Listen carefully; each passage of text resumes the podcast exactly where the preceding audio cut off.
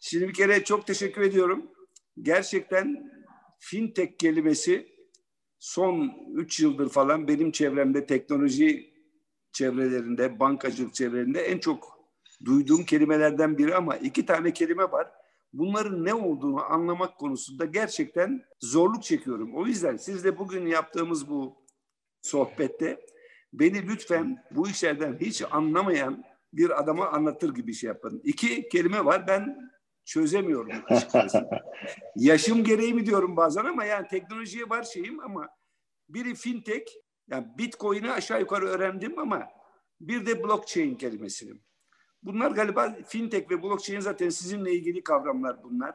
Önce evet. bana sizin şirketi tanıtmadan ama önce şirketten başlayalım isterseniz. Siz yani nasıl kurdunuz bunu? Çünkü hikayeniz çok güzel yani iki tane bir çok tipik bir Türk startup'ı bu değil mi yani? Bir startup. Evet. Evet evet aynen öyle. Yani bugün biraz önce öğrendim genç bir e, online araştırma şirketi YouGov diye bir e, İngiliz online araştırma şirketi var. Ona satılmış. Onlar almışlar Hı-hı. şeyi. Yarın hatta onlarla ilgili bir yazı yazacağım.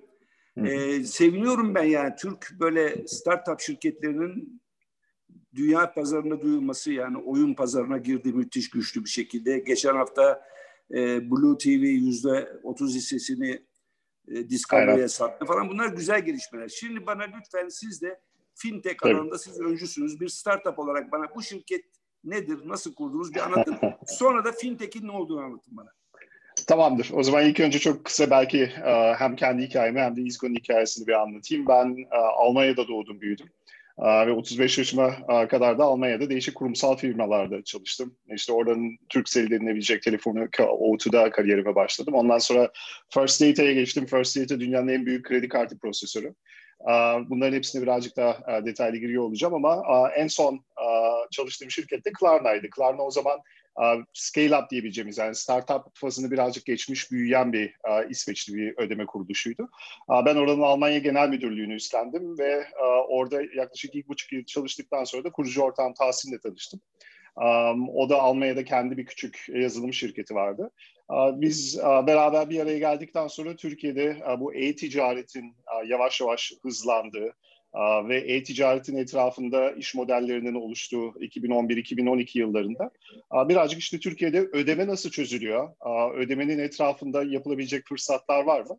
Buraya bak bakmaya başladıktan sonra. Barbaros bir sözünü kesiyorum. Eğitim Tabii. olarak ne aldın sen? Ne eğitimi yaptın?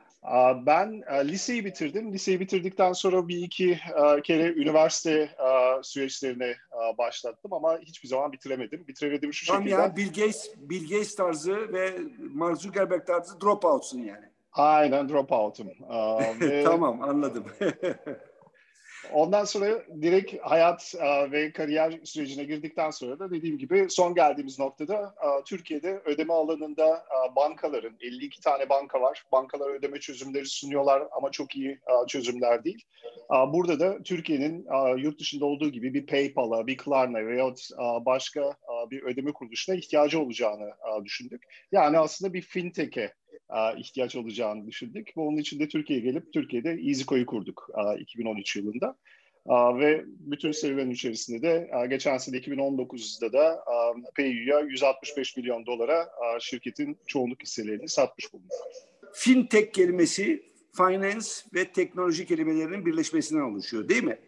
Aynen Bunlara öyle. fintech deniyor. Bize şu fintech sistemini bir anlatır mısınız yani? Tabii. Çünkü kart jenerasyonuyuz biz yani bizim için benim cebimde ilk kredi kartı hayatımdaki en büyük devrimlerden biriydi yani. Ve o zaman bunu şey olarak böyle bir statü sembolü olarak böyle çıkarıyorduk kartımızı. O zamanlar çok az yerde geçiyordu. Sadece ilk başlarda e, bir Amerikan şirketi, American Express vardı yanılmıyorsam. Sonradan Aynen. geldi bu şirketler. Sonra da telefon statü malzeme. Sonra hepsi popülerleşti bunlar. Herkesin elinde var. Peki nedir bu fintech yoluyla ödeme sistemi. Sizin de dediğiniz gibi finansal teknoloji şirketleri yani teknolojiyi etkin kullanıp finansal hizmetler veren, bunu yaparken de müşteri deneyimine çok çok çok önem veren banka olmayan kuruluşlar aslında bu fintech kavramını birazcık anlatmak istersek. Yani bunun bir alt noktasına girdiğimiz zaman aslında şunu yapıyorsunuz. Bankayı bir İsviçre çakısı gibi düşünebilirsiniz. İsviçre çakısı içerisinde değişik araçlar var. Bunların hepsi zor gününüzde bir şekilde size yardımcı oluyor. Ama hiçbir şeyi de doğru düzgün yapamıyorsunuz aslında. Bankaları birazcık böyle İsviçre çakısı gibi düşünebilirsiniz değişik ürünler sunuyorlar. Her alanda varlar ve finansal hizmetler tarafında her şeyi tek elden size veriyorlar. Ama işin detayına girdiğiniz zaman hiç de çok mutlu kaldığınız ürünler olmuyor. Finansal teknoloji şirketleri aslında şunu yapıyorlar. Bir tane ürün alıyorlar ve bu ürünü esasında da detayına kadar inip müşterinin etrafında en iyi deneyimi oluşturup sadece o nişte müşteriye en iyi deneyimi, e, en iyi ürünü sunmakla yola çıkıyorlar. Peki siz ne yapıyorsunuz? Mesela Biz siz? alışveriş anındaki ödeme sürecini hem satıcı için hem de yani e-ticaret şirketi için hem de alışveriş anında tüketici için kolaylaştırıyoruz. Aslında bizim olduğumuz fintech alanı ve odaklandığımız nokta alışveriş noktasındaki satıcının ve oradaki tüketicinin hayatını kolaylaştırmak. Burada çok Peki ne oluyor? Diyelim ki AVM'ye geldik veya başka bir şey mi? Yani bu sadece online sistemde kullanılan bir ödeme sistemi bu. Size şu somut örneği e, verebilirim. Alışveriş anında siz genelde bir e-ticaret sitesine giriyorsunuz ve alışveriş anında kredi kartı verinizi verip alışverişinizi yapıyorsunuz. Genelde tüketicilerde şöyle bir tedirginlik başlıyor. Ondan sonra ya bu ürün bana ulaşacak mı? Veyahut bu ürün bana ulaşmazsa veyahut istediğim kalitede ulaşmazsa ben ne yapacağım gibi soru işaretleri oluşuyordu. Bankacılık sektöründe bunun için bir süreç var. Siz şunu yapabiliyorsunuz. Alışveriş yaptınız, ürün size gelmedi. Siz gidip o parayı kredi kartınızdan geriye alabilirsiniz. Ama o süreç şu şekilde işliyor. İlk önce bir fiziksel şubeye gidiyorsunuz fiziksel şubede bir form dolduruyorsunuz. Ondan sonra bütün bu süreç içerisinde bu işte genel müdürlüğe gidiyor. Size yine bir mektup geliyor. Siz o mektubun üzerindeki telefon numarasını arıyorsunuz gibi böyle çok uzun süren bir süreç var.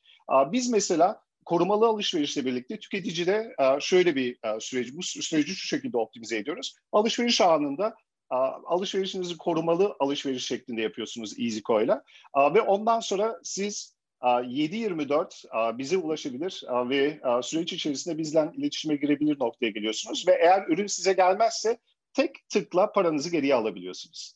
Yani aradaki fark aslında birazcık şu, bankalar süreçleri bazen çok komplike ve e, tüketici bakış açısından çok zor e, yürütebiliyor. Fintechler bu süreçleri sizin için aslında tek bir e, klike ve tek bir e, Peki, bir sizi getirebiliyor. Kesiyorum orada şimdi tekrar çok basit, Tabii. tüketici açısından Hı-hı. basit bir sorun şey yapacağım. Şimdi şu anda bizim hepimizin kullandığı kolayımızda olan bir ödeme sistemi var. Bu ödeme sistemi büyük ölçüde bankacılık sistemine bağlı. Klasik yerleşmiş Doğru. bir sistem. Yani kredi kartı numaramızı veriyoruz bir defa. Bu bazen işte Apple store'lara veriyoruz veya e, ne bileyim Trendyol'a e, hepsi burada ya Amazon'a veriyoruz bunları. Orada da bir kart numarası veriyoruz. Basit ondan sonra şey yapıyoruz. Peki sizin ödeme sisteminizde yine kredi kartı gibi bir numara, bir şifre sistemi var. Yani ne yapıyorum ben? Hı hı. Sizin üzerinizden nasıl yapıyorum bunu? Öbüründe banka var çünkü. Hı hı. Siz Bizim... neredesiniz yani? Aynen. Bizim ödeme sistemimizde de e, aslında istediğiniz şekilde ödeme yapabiliyorsunuz. Yani sizin de EasyCo hesabı içerisinde şöyle bir avantajınız var. Kredi kartınızı oraya bağlayabiliyorsunuz bu hesap içerisinde ve şu an 60 bin tane üye iş yerinde e, o hesap üzerinden ve sakladığınız kredi kartıyla o kredi kartını bir daha hiçbir yerde girmenize gerek kalmıyor. Bunu yapabiliyorsunuz ama aynı anda şunu da yapabiliyorsunuz. Sizin kredi kartınız olmayabilir. Türkiye'de hala yüzde 46 popülasyonun banka hesabı yok.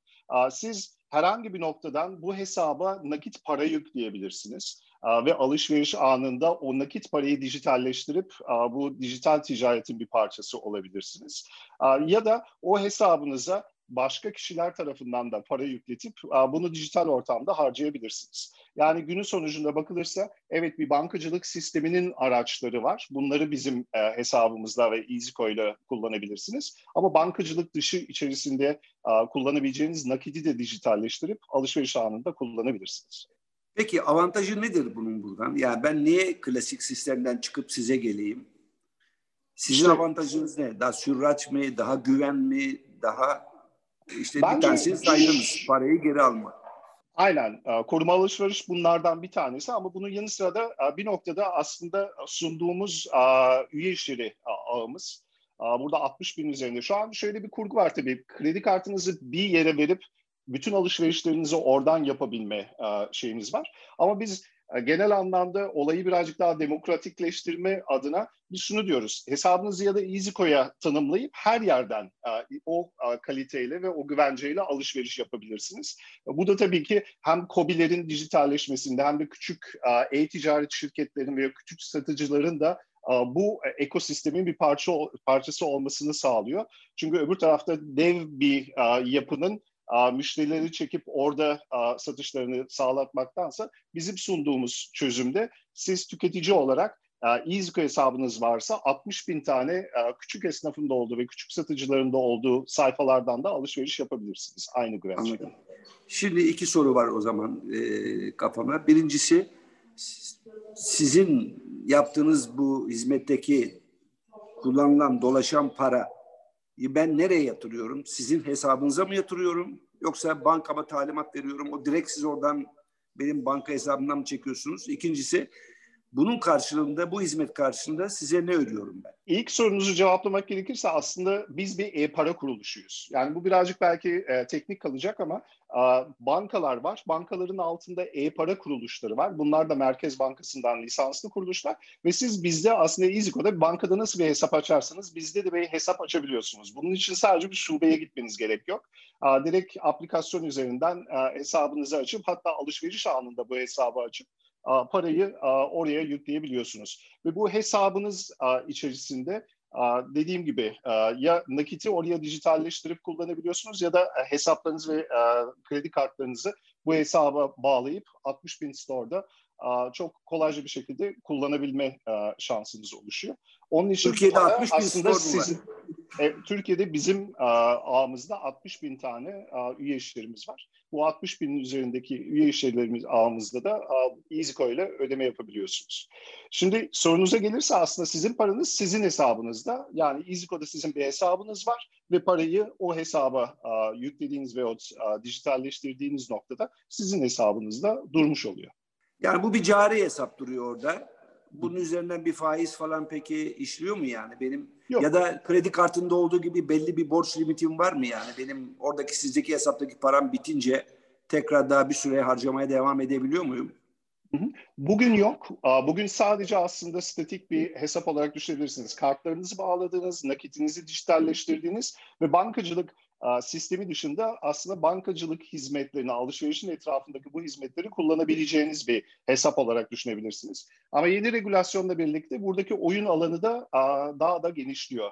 Yani bu sene, önümüzdeki sene içerisinde artık açık bankacılık dediğimiz kavramla da tanışıyor olacağız. O noktaya geldiğinizde siz aslında bütün banka hesaplarınızı bizim gibi şirketlere bağlayıp bütün e, finansal e, akışları tek bir hesaptan yönetebilir hale geleceksiniz. Aslında çok Yani ben şunu da yapabileceğim mi? Elektrik paramı sen öde, bilmem neyi sen öde, şunu öde otomatik olarak falan bunları da yapabilecek durumum gelecek. Yapabileceksiniz yani. ve şunu da yapabileceksiniz. Sizin üç tane banka hesabınız varsa bazen şey zorlanabiliyor. Ya işte oradan oraya para göndereceğim, oradan e, transfer yapacağım bütün bankadaki e, hesaplarınızı tek bir yerden yönetebileceksiniz. Yani EasyCo aplikasyonun içerisine girerek Garanti Bankası veya herhangi başka bir bankadan banka hesaplarınızı oraya bağlayıp işte bu hesabımdan şuraya para gönder veyahut bu hesabımdan şu faturayı öde gibi aksiyonları da tek bir aplikasyon üzerinden yapabiliyor olacaksınız. Anladım. Peki bunun karşılığında size ödeyeceğim hizmet bedeli ne olacak benim? Şu an biz tüketicilere sunduğumuz bütün ürünlerimizi ücretsiz veriyoruz. Çünkü bizim buradaki kazanç tarafımız üye işleri e, tarafı. Biz üye işleri tarafından para kazanıyoruz. Ve bizim için önemli olan tüketici bazımızı kullanıp orada üye işyerlerimizle birleştirdiğimiz noktada biz üye işleri e, tarafındaki hacmimizi ve oradaki ciromuzu arttırabiliyoruz. Aslında bizim buradaki hedefimiz tüketicileri kazanıp onları bizim e-ticaret sitelerimizde e, para harcamalarını ve alışverişlerini oradan yapmalarını sağlamak oluyor. Peki bu anladığım kadarıyla böyle bir telefon gibi kontör yükler gibi bir para yükleyebiliyoruz buraya. Evet, yani isterseniz mevcut e, kredi kartlarınızı bağlıyorsunuz. İsterseniz de eğer yoksa dijital e, nakit paranızı da dijitalleştirip oraya yükleyebiliyorsunuz. E, kredi kartı üzerinden zaten bu işlemi yapıyorum ben. Kredi kartı üzerinden niye bir de daha komplike bir de oradan oraya oradan oraya benim kafamı karıştıracak bir şey yapayım? Yani tam yani, anlamak istiyorum ben bunu. Tabii tabii şu şekilde e, şu an itibariyle biraz evvel dediğimiz gibi ödeme anında aslında çok büyük bir problem yok. Sadece şunu yapabilirsiniz tabii bir e-ticaret sitenizde kredi kartınızı saklamış olabilirsiniz. Orada kredi kartınızı bir daha girmiyor olabilirsiniz. Ama başka sitelere gittiğiniz zaman o kredi kartı datını, e, datasını her alışverişte giriyor olacaksınız. Bu e, oluşan bir kolaylık. Yanı sıra güvenmediğiniz küçük e-ticaret siteleri olabilir. Oradan alışveriş yaparken o korumalı alışveriş güvenceniz olmuyor. Bunu kazanıyorsunuz aslında EasyCo hesabıyla. Ve ben şunu söylüyorum. Aslında daha dediğim gibi bütün kurgu içerisinde kendinizi daha hür hissedebileceğiniz bir yapıya geliyorsunuz. İlla gidip bir sayfada her zaman alışveriş yapmaktansa aslında dediğim gibi 60 bin tane store'da kendinizi daha hür hissedip aynı güvenceyle e, ve aynı rahatlıkla alışveriş yapabilmenizi sağlıyoruz sizin için. Ama hala dediğim gibi Türkiye'de yüzde 46 popülasyon banka hesabı yok. Onlar için de bu dijital ticaretin bir parçası olmalarını sağlıyoruz aslında. Çünkü onların kredi kartı olmadığı için e, e-ticaret sitelerinde alışveriş yapmaları mümkün değil. Bizim hesabımız üzerinden paralarını yükledikten sonra aslında normal kredi kartı sahibi insanlar gibi e, her e-ticaret sitesinden de alışveriş yapabilir hale geliyorlar. Ve bu da yine her şeyi daha demokratik hale getiriyor. Anladım. Alışverişe başladığım anda sadece bir şifre mi vereceğim ben mesela? Sizle hesabımı açtırdım, siz bana verdiğiniz bir şifreyi. Ondan sonra artık e, bütün işlemlerimde o şifre üzerinden mi yapıyorum? Nasıl oluyor yani, bu iş? Telefonunuzu kullanıyorsunuz aslında. Gün sonunda ödeme sayfasına geldiği zaman EasyCo ile ödeyi seçiyorsunuz. Ve ondan sonra sizin telefonunuza bir kod geliyor. direkt oradan ekran üzerinden Aynen ekran basit üzerinden yani, evet. EasyCo ile. İnanılmaz basit. Ya ben şunu söylüyorum. E, EasyCo ile ödeyi bir kere kullandığınızdan sonra artık başka hiçbir şey kullanmak istemiyorsunuz. Çünkü alışveriş yapmak o kadar kolay oluyor ki. Ve dediğim gibi bununla birlikte de bu kapçı, kapsayıcılık kavramı içerisinde bankacılık sistemi dışında olan insanları da dijital ticaretin biri yani bir paydaşı olarak bu sisteme dahil ediyoruz. O da önemli. Şimdi Barbaros senin konuşmalarında böyle bayağı e, iddialı sözler var. Oraya geleceğim birazdan. Ha, bankacılık sisteminin yerine geçmek ve Türkiye'nin beş büyüğün arasına girmek gibi iddialarınız var sizin konuşmalarınızda gördüm. Yani son bir şey daha söyleyeyim bu şeyle ilgili Hı. teknik bir bilgi. Burada benim para akışımın güvenliği nasıl sağlanıyor? Yani iki bakımdan bir benim numaramda başkaları alışveriş benim hesabımdan çekip alışveriş yapma şeyi e, bu şey mi? İkincisi hack hacking yani benim para hesaplarımın takibi başkaları tarafından, üçüncü kişiler tarafından e, kolay mı? Nasıl bu konuda bir güvenlik şeyi var?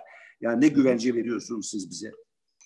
Ödeme kuruluşları olarak ki e, biz e, bankacılık e, mevzuatında oluşması oluşturmanız gereken altyapının aynısını biz de yapıyoruz. Yani bütün sertifika programları hem Merkez Bankası hem BDDK tarafından verilen hem de Mastercard, Visa gibi işte bu kart şirketlerinin de kurguladığı sertifikasyon süreçlerinin hepsinden geçiyoruz. Ve bunu her bir kere sertifikayı aldık olay bitti değil. Her sene işte onlarca testler yapılıyor. Ve sadece Merkez Bankası ve Mastercard, Visa gibi kuruluşlardan değil bankalar taraflarında denetlenen bir yapıyız. Yani onun için bütün bu kurgumuz inanılmaz denetim altında. Ve ben bazen şey diyorum yani Türkiye'de en iyi denetlenen sektör biz olabiliriz büyük bir ihtimalle. Bu birincisi. Bunun yanı sıra da tabii çok ciddi bir yatır, altyapı yatırımı da gerekiyor. Biz bunu ee, ilk 7 yıl içerisinde yaklaşık 28 milyon dolarlık bir yatırım şirketi içerisine aldık ve e, bu paranın büyük bir bölümü de e, hem IT, e, bilişim sistemleri ve security tarafına da ciddi şekilde yatırımlar yapıldı.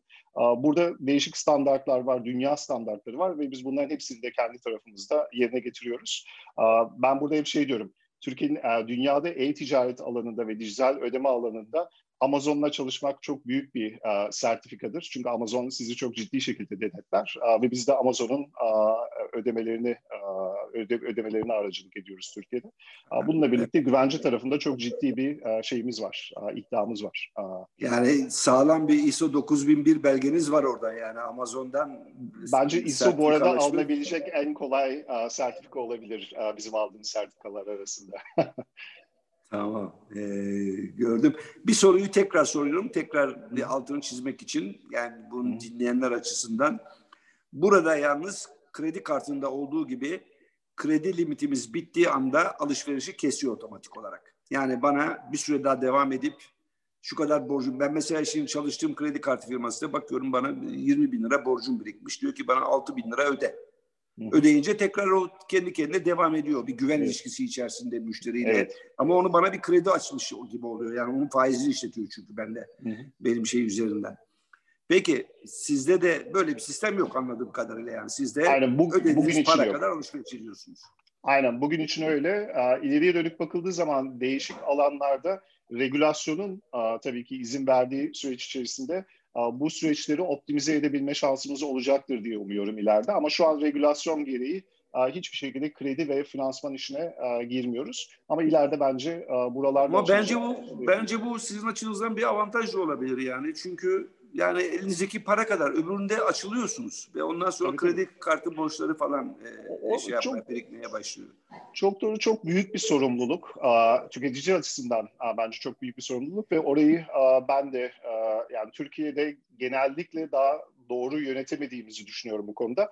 Orada da bence yapılabilecek daha çok teknoloji ve fintech girişimleri var. Yani burada sizin o, oradaki finansal okur yazarlığınızı arttıracak ve finanslarınızı daha iyi yönetebilmelerinizi sağlayacak çalışmalar olacaktır. O çok açık. Peki bir merak ettiğim soru var. Şu an 2020 yılı içinde Türkiye'de fintech üzerinden dönen e, alışveriş ve ticaretin volümü nedir acaba? Yani genel sayılara bakarsak Türkiye'de dijital ödeme dediğimiz uh, pazar payı uh, 2019'da 190 milyardı. Uh, 190 milyar uh, civarında dijital ödeme uh, payımız var. Bu da bütün uh, ödemelere baktığımızda yüzde 18'i uh, bütün ödemelerin. Ve bu pa- pasta payının içerisinde şunu söyleyebiliriz. Biz EasyCo olarak yaklaşık 20 milyar TL'lik bir işlem hacmimiz var. Vardı geçen Müthiş bir rakam var. Müthiş bir Aynen rakam. Evet. Müthiş bir rakam. Şimdi o zaman gelelim sizin iddialarınıza. Diyorsunuz ki bizim hedefimiz Türkiye'de ilk büyük beş banka arasına girmek. Şimdi tabii yani gözümüzün önünde Ziraat Bankası, İş Bankası falan yani böyle tarihi her tarihiyle ağırlığıyla e, volümleri önümüzde duran şeyler. Çok iddialı bir laf değil mi bu? Gerçi 20, 20 milyar liralık bir işlem tabii çok büyük bir rakam ama yani e, 3 milyar dolara yakın bir para demek yani bu. Aynen. Ee, bir iddialı değil mi yani? Bunun büyüme hızı ne kadardır sektörün? Ya ben kendi tarafımızdan e, söyleyeyim. Biz e, şimdiye kadar e, seneden seneye, yani geçen sene yüzde 89 büyüdük seneden seneye. Ve bu seneki hedefimiz de yine yüzde 75'in üzerinde büyüme hızı olarak. 20 milyar TL'lik bir hacimden konuşuyoruz. 60 binin üzerinde üye işlerimiz var. 2 milyonun üzerinde tüketici şu an için tüketici müşterimiz var. Ve dediğim gibi seneden seneye bu büyüme hızını da bu da kattığımız noktada şu potansiyele de oynuyoruz ki ben onun için çok ciddi şekilde güveniyorum. Daha Türkiye'de bu dediğimiz ödemelerin uh, %54'ü nakit yapılıyor. Yani daha dijital ödeme içerisinde büyüme alanımız çok yüksek bir de biraz evvel söylediğim gibi bunu dijitalde sadece yüzde on sekizi yapılıyor. Yani o açıdan pasta payı olarak daha çok küçük bir kitleye hitap ediyoruz olduğumuz noktada ve uzun vadeli pandemiyle gelen bu daha çok işte fizikselden dijitale kayan ticaretle birlikte önümüzde inanılmaz büyük bir potansiyel var. Ve biz kendi tarafımızda bu odakla devam ettiğimiz süre içerisinde her tabii ki faktör değil ama bazı konularda en büyük beş bankalar arasına, finansal kuruluşlar arasına girebileceğime çok net inanıyorum. O açıdan bizim için önemli olan sadece müşteri odağımızı kaybetmeden bu büyüme hızını da aksiyona çevirebilmek ve günün sonucunda orada da gelecek 5 yıl içerisinde değişik KPI'lerde esasdan da en büyük 5 finansal kuruluşlardan bir tanesi olabilme hedefimiz. Peki Barbaros ben bir şey merak ediyorum. Sen Almanya'da doğup büyümüş bir insansın. Ben e, geçen yıl bu e, şeyi okurken, takip ederken e, Facebook'un yaratacağı Facebook, işte Apple'ın kendi yaratacağı sistemleri falan e, okurken ekonomi gazetelerinde orada bir şeyi öğrendim. Almanya'da cash ödemek çok yaygınmış. Mesela İsveç'te yüzde doksana yakını artık para görünmeden ödüyor. Almanya'da yüzde yetmiş mi seksen mi şimdi hatırlamıyorum ama hala cash ödüyormuş insanlar. Peki nasıl bir şey bu? Türkiye'de nasıl durum yani? Türkiye'de e, o sayı yüzde 54 bu arada. E, 54 biraz önce söylediğin rakam mı? Aynen öyle. Almanya'da da bu sayı yüzde 36'lardaydı benim son baktığım şeyde. Öyle mi? Ha, ben baktım. Pandemiyle birlikte büyük bir ihtimalle daha da azalmış olabilir ama ha, mesela Almanya'da başka bir ilginç bir şey var. Kredi kartı kullanışı çok düşüktür Almanya'da. Evet. Yani daha çok banka kartıyla ödenir. O da birazcık işte daha çok insanların kendi banka hesabında olan parayı harcama alışkanlıkları. Türkiye'de ister istemez tabii ki biz olmayan paramızı da kredi kartları üzerinden harcadığımız için orada bir kredilendirme süreci işliyor. Almanya'da mesela o kredi kartı dışındaki ödeme metotları inanılmaz yaygındır ve debit kartlar çok ciddi kullanılır. Orada ciddi bir fark var iki ülke arasında. Şimdi şunu biliyoruz ki Türkiye'deki bankacılık sistemi yani dünyadaki ileri sistemlerden biri. Yani ve bazı uygulamalarda Avrupa'dan daha hızlı geçti. Aynı şekilde mesela biz e, baskı döneminde, gazeteler döneminde de Türkiye e, bu informatik sistemlere Avrupa'da ilk geçen ülkeydi. Yani bilgisayarlı gazeteciliğe ilk geçen ülkeydi. Bizim böyle bir şeyimiz var.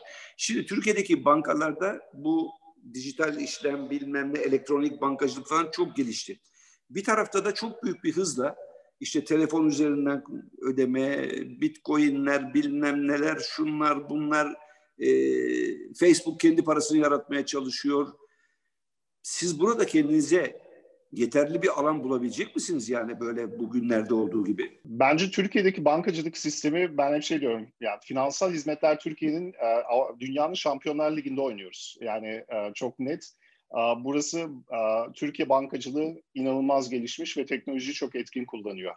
Ben son 20 yıl içerisinde eski bankacılarla da konuştuğum zaman şöyle bir şey çok net ortaya çıkıyor Türkiye'de. Bence bankacılık sektörü müşteri odağını kaybetmiş. Yani bilmiyorum ama siz geçen ay bankanıza ne kadar para ödediğinizi biliyor musunuz? Yani değişik evet, işlemlerden. Bir, evet. Yani genel anlamda e, hiç e, şeffaf olmayan bir yapı ve çok dayatan bir yapı. Yani bir yere gittiğiniz zaman siz müşteri olarak artık karar verme hakkının sizde olduğunu düşünmüyorsunuz. Bankacınız sizi yönlendiriyor ve diyor ki burada bir hesabı açacaksın, bunu bu ne yapacaksın. Ben en büyük fırsatı orada görüyorum. Çünkü genel sektörler e, artık müşteri problemi değil, kendi problemini çözmeye odaklandığı noktada orada dışarıdan bir değişime müşteriler açık oluyorlar. Ve güven unsuru da bizim sağladığımız süre içerisinde ve müşteri odaklı ilerlediğimiz sürece, müşterinin problemini çözmeye odaklandığımız süre içerisinde ben burada inanılmaz bir bankacılık sisteminden işte daha çok fintechlere kayacak bir iş modelinin olduğunu düşünüyorum. Ve onun yanı sıra da yeni bir jenerasyon geliyor. Ben çocuklarım 13-14 yaşında ve ikisine de konuştuğum zaman onların uzun vadeli herhangi bir banka şubesine gitmeleri veyahut bankacılık sistemini bankalardan almasını çok şey görmüyorum. Çünkü onların beklentilerini karşılayabileceklerini düşünmüyorum. Onun için de bundan sonraki süreç içerisinde fintechlere çok çok önemli bir alan açılmış olacak. Jenerasyon değişikliğiyle ve bence bankaların daha çok kendilerine odaklanıp müşterilerini birazcık daha odaklarından kaybettikleri için. Peki bankalar kendileri fintech şirketleri kuruyorlar mı? Deniyorlar ama o işte şey değil. Yani ben bankacılık dışında bir şirket kurdum, onun için fintech olduğum değil. Fintech'in içerisindeki felsefeye birazcık daha kültürle alakalı olan bir şey. Siz bir şeye odaklanmanız gerekiyor. Orada her zaman bankacılık sektörü içerisinde de kendi fintech şirketlerini kuran kurgular var. Ama günün sonunda tek bir yerden yönetiliyorlar. Onun için yeri geldiği zaman kendi pazar bırak başka bir iştirakına bırakma gibi bir eyleme de gireceklerini düşünüyorum bankaların. O birazcık zor bir şey. Ya bu bu arada çok normal. Yani büyüyen, çok güçlü olan sektörlerin bir noktadan sonra dışarıdan başka şirketler ve teknolojiyi daha etkin kullanan startuplar tarafından birazcık böyle challenge edilmeleri bence güzel. Çünkü bu rekabeti de birazcık daha kızdıracak. Ben şunu demiyorum 20 yıl sonra bankalar olmayacak değil ama bence daha iyi bankalarımız olacak 20 yıl sonra. Çünkü fintechler onları ister istemez bu rekabet içerisinde müşterilerini yeniden odaklarını almalarını itecek. Yani günün sonunda müşteri kazanacak diyeyim ben. Müşterilerin kazanması için fintechler bence çok önemli. Peki ben iki yıl önce Apple'ın bir sunumuna gittim e, Cupertino'ya. Orada e, Tim Cook yeni şeyleri açıkladılar. Yani bütün hı. Apple staffı. En iddialı şeylerinden biri Apple ödeme sistemiydi. Hı. Cep telefonu üzerinden. Ve orada anlattıkları sistem gerçekten çok pratik bir sistem. Yani bütün alışverişinizi, her şeyinizi direkt cep telefonu üzerinden yapıyorsunuz. Ve aynı zamanda cep telefonunuz size iki ayrı hizmet daha getiriyor bunun karşılığında. Bir tanesi sizin bütün harcamalarınızı vergi sistemine göre kayda geçiriyor ve bir anlamda sizin vergi belki şeyinizi bile ortadan kaldırıyor. Beyannamenizde çok kolaylıkla yapacak hale getiriyor. İkincisi de size yaptığınız harcamalar üzerinden bir e, cash para şeyi sağlıyor, e, ödülü sağlıyor aynı zamanda. Peki fintech şirketleri bu tür şeylerle mücadele edebilecek mi yani önümüzdeki dönemde?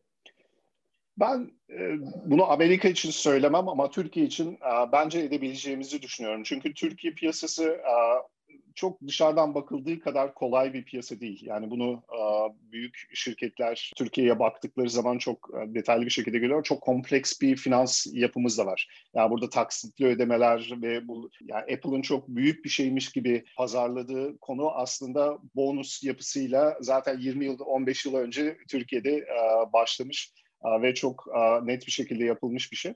Onun için yani o Türkiye e, dünya çapında çok böyle devrimmiş gibi anlatılan konular Türkiye'de zaten senelerdir bankalar tarafından çok başarılı bir şekilde uygulanmış çözümler oluyor.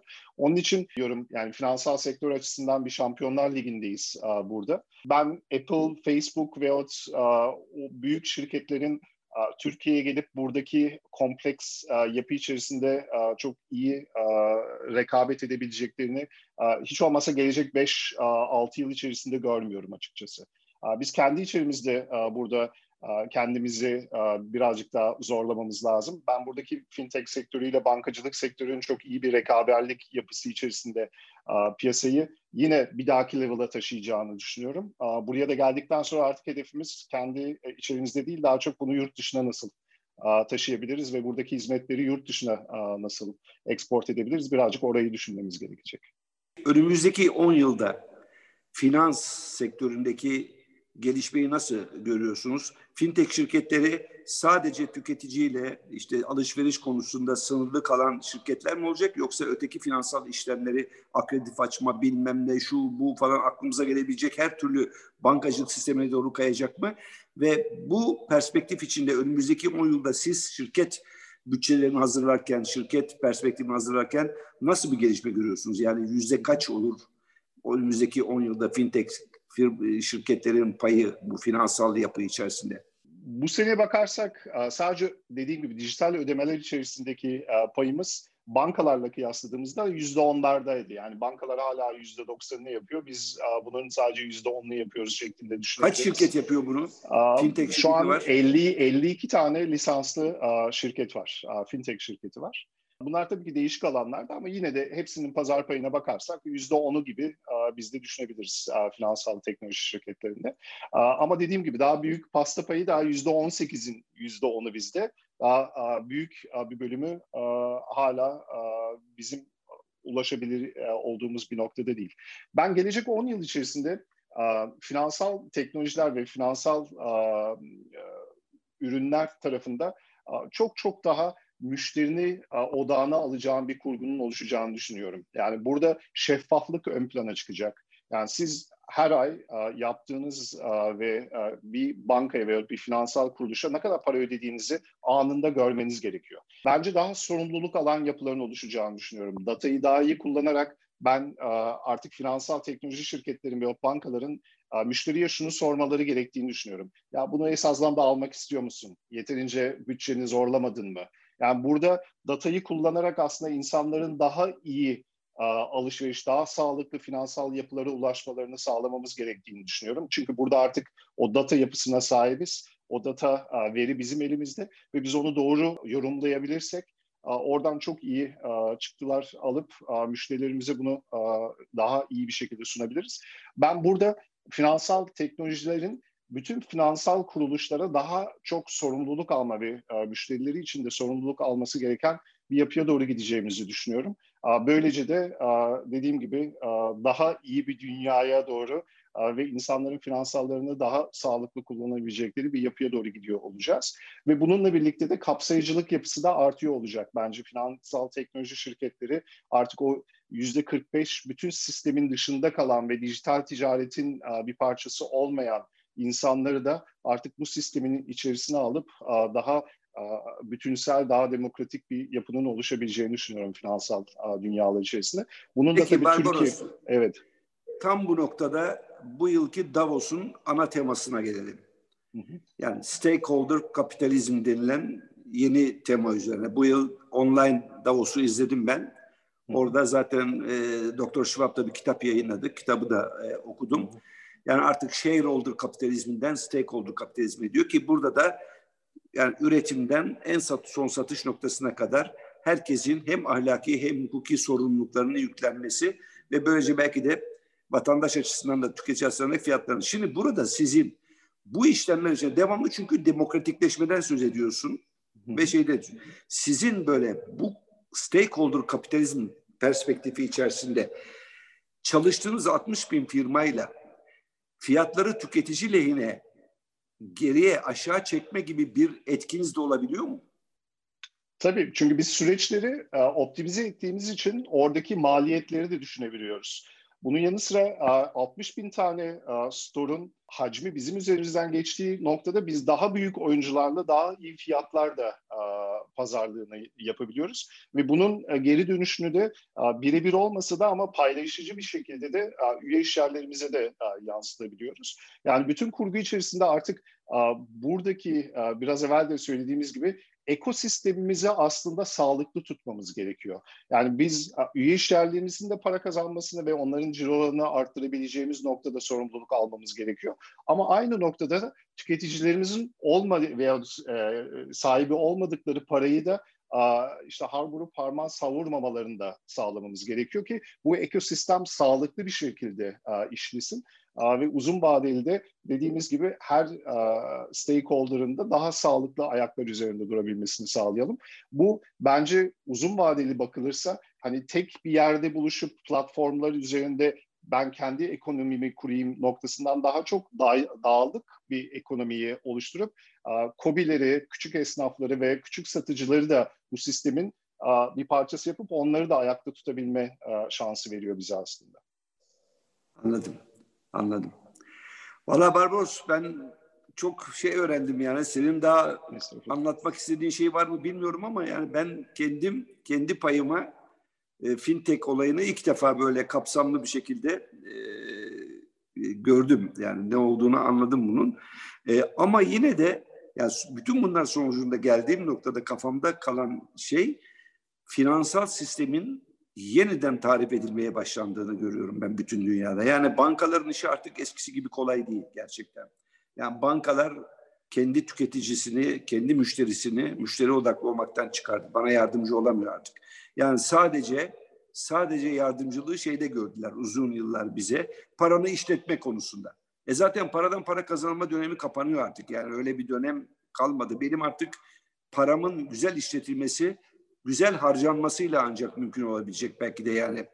Dolayısıyla orada siz bize yeni bir çözüm öneriyorsunuz. Yani daha hızlı, daha pratik, daha şeffaf ve ne olduğunu bileceğim. Ben şimdi geçmişimle ilgili, kendi paramla ilgili kafamda bazı şüpheler var.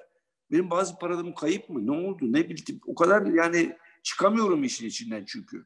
E, direkt kontrolümün dışına çıkmış bir sistem gibi gelmeye başladı bana şey. O bakımdan burada e, getirdiğin çözümler bana daha pratik geldi. Fakat burada tabii yine de şu var. Para ve mahremiyet söz konusu olunca hep markalara güvenilirlik çok önem kazanıyor. Şimdi bir tarafta Ziraat Bankası, Akbank, bilmem ne, şu bu bankaları var. Burada da startup çocukların tırnak içinde söylüyorum kurdukları ödeme sistemleri var. Yani buradan buraya geçmek çok büyük bir zihniyet devrimi gerekiyor. Paradigmayı değiştirmek gerekiyor. Fakat aynı zamanda da denenmişliği gerekiyor. O yüzden son bir soru olarak şunu soracağım size. Bu yaşadığınız 2013'ten beri bu tecrübe içerisinde bu tür paranın yanlış bir biçimde kullanılması örnekleri, kayıp para veya size gelen üçkağıtçıyla kay, kaybolan para, müşterinin kandırılması gibi şeyler ne tür hikayeler oldu? Ya şöyle bir şey var. Bu, bu arada bizim olduğumuz sektör içerisinde en büyük uh, challenge'lardan bir tanesi. Sahtekarlarla uğraşmak. Ama orada da işte şunu çok net uh, koymam yani şeyi e, anlatmamız gerekiyor. Zaten korumalı alışverişin çıkış noktası burasıydı. Biz dedik ki sen tüketici olarak bundan uğraşmana gerek yok. Sahtekarla niye uğraşıyorsun? Ben paranı alıyorum ve senin hesabında tutuyorum ve sen alışveriş tamamladıktan sonra ve ürünü aldıktan sonra ben o parayı zaten e, şey satıcıya gönderiyorum. Eğer bir problem çıkarsa paranı direkt geriye alabiliyorsun. Yani orada bunu kökten çözmüş oluyoruz aslında bütün e, kurgu içerisinde. Tüketiciye diyoruz ki sen bu problemle uğraşmaman lazım. Senin problemin değil. O bizim problemimiz, bizim çözmemiz lazım. Ve arka planda da tabii bu sahtekarlıkları askeriye indirmek için de mesela inanılmaz sahtekarlık önleme motorumuz var. Yani esasdan da machine learning ile ve AI dediğimiz işte kurgusu içerisinde mühendislerimiz tarafından kurgulanmış ve bütün işlemleri anında böyle skorluyor ve diyor ki bu şey olabilir, sahtekarlı bir transaction olabilir, işlem olabilir, bu olmayabilir. Ve biz de kendi tarafımızda o kontrol noktalarımızı da oluşturmuş oluyoruz. Yani bunun altında çok ciddi teknolojiyi etkin kullanıp burada hani insanların oturup bütün bu işlemlerin üzerinden geçmesi değil, burada makinenin ve bilgisayarların ve oradaki algoritmaların bunu yapmasını sağlamamız. Bunu yaptığımız sürece de bunu askeride tutabiliyoruz ve kendimize güvenerek müşteriye şunu diyebiliyoruz. Sen alışverişini yap, gerisini bize bırak. Çünkü biz burada bu sorumluluğu üstleniyoruz senin için. Senin için alışveriş aslında güzel bir süreç olması lazım. Ve ödemeni de çok kolay bir şekilde yapabiliyor olman lazım. Bundan sonraki dünya bu şekilde olması lazım. Müşteri odağında, müşterinin etrafında bu süreçleri optimize edip ve en verimli şekilde müşteriye sunmak. Onun için evet hak veriyorum. Bu hemen olacak şey değil. Onun için 7-8 senelik bir şirketiz ve bundan sonra da markamızın oluşmasına ve markamıza da çok ciddi şekilde yatırımlar yapacağız. Çünkü şeyde düşünüyoruz yani burada sadece biz işimizi iyi yapıyoruz diye insanlar bize güvenmeyecek. Bize verdiğimiz her sözün arkasında durup o değer önerimizi de çok net bir şekilde her gün sorgulamamız gerekecek. Bunu yaptığımız sürece de dediğim gibi gelecek 5 yıl içerisinde o istediğimiz hedefe ulaşıyor olacağız. Ee, bir cümlen dikkatimi tekrar çekti ikinci defa şey olduğunu. Dedin ki ödemeyi ürün müşteriye teslim edildikten sonra yapıyoruz. Bu da Aynen. bir kontrol sistemi yani değil mi? O evet. zaman yani sizin hesabından başkasının girip alışveriş etmesini de önleyen bir sistem de yani. Böylece Aynen öyle. Tamam oldu. Barbaros ben teşekkür ederim. Bir saate yakın bir süredir e, konuşuyoruz. Güzel bir e, konuşma oldu. Hı. Doğrusu epeydir bir insanın bana şu fintech'i anlatmasını bekliyordum ama bir gün de bana şu blockchain'leri anlat. Yani nedir blockchain? Onu Çünkü onu onu bana kimse anlatamadı yani. anlatıyor anlatıyor ben sadece ve şöyle bir duyguya kapıldı. Bu blockchain'in ne olduğunu bana anlatanlar da çok anlamamışlar diye bir duyguya Olabilir bu arada. Yani çünkü anlatamadılar. Şimdi ben sana sordum yani. Bana dedim bir aptal anlat gibi anlat ve anlattın sen bana bir şeyleri. Gördüm fintech'in ne olduğunu şu anda. Şimdi inşallah bir günde onu konuşuruz. Sizin ilgileninize giriyorsa o şey. Başarılar diliyorum ama ben en Çok güzeli şu. Karşımda gerçekten başarılı genç startuplar gördüğüm zaman sizden daha çok seviniyorum gerçekten yani. Bunu çünkü Türkiye'nin bu potansiyelini harekete geçirecek e, rol modellerine ihtiyacı var. Bu rol modellerini gördünce ben çok heyecanlanıyorum. E, daha çok takip edeceğim bundan sonra. Çok teşekkür Bana da keyifli de bir gazetede de bir sayfa konusunda çıktı. Çünkü birçok insan da merak ediyor bunu. Ben de elimden geldiğince bunu çok basit bir şekilde yazmaya e, çalışacağım, yazarım. Yani Allah'ın da bana öyle bir şeyi var. Basit yazdırıp evet, yazma evet, gibi çok bir şeyi var. Başarılısınız o konuda da. Çok teşekkür ediyorum. Ben de Sağ çok olun. teşekkür ederim. Çok teşekkür ediyorum. Ee, iyi günler iyi size başarılar diyorum. Bakalım yani şu büyük bankalar onlar için endişe verici bir gelecek var yani. Ben çünkü kendi gözümün önünde gazeteciliğin nasıl gittiğini gördüm. Kurumsal kurumsal gazetelerin ayak uyduramayanların bir tane bir çocuk çıkıyor bir YouTube e, kanalıyla koskoca markaları ezip geçiyor yani. Burada da finansal e, şeyler biraz fazla burunlarından kıl aldırmamanın galiba cezasını çekecekler gibi bir durum var ortada yani. Hep birlikte bakıp göreceğiz. Bakalım nasıl olacak. Çok teşekkür ediyorum. Süper. İyi akşamlar. Çok teşekkürler. İyi akşamlar.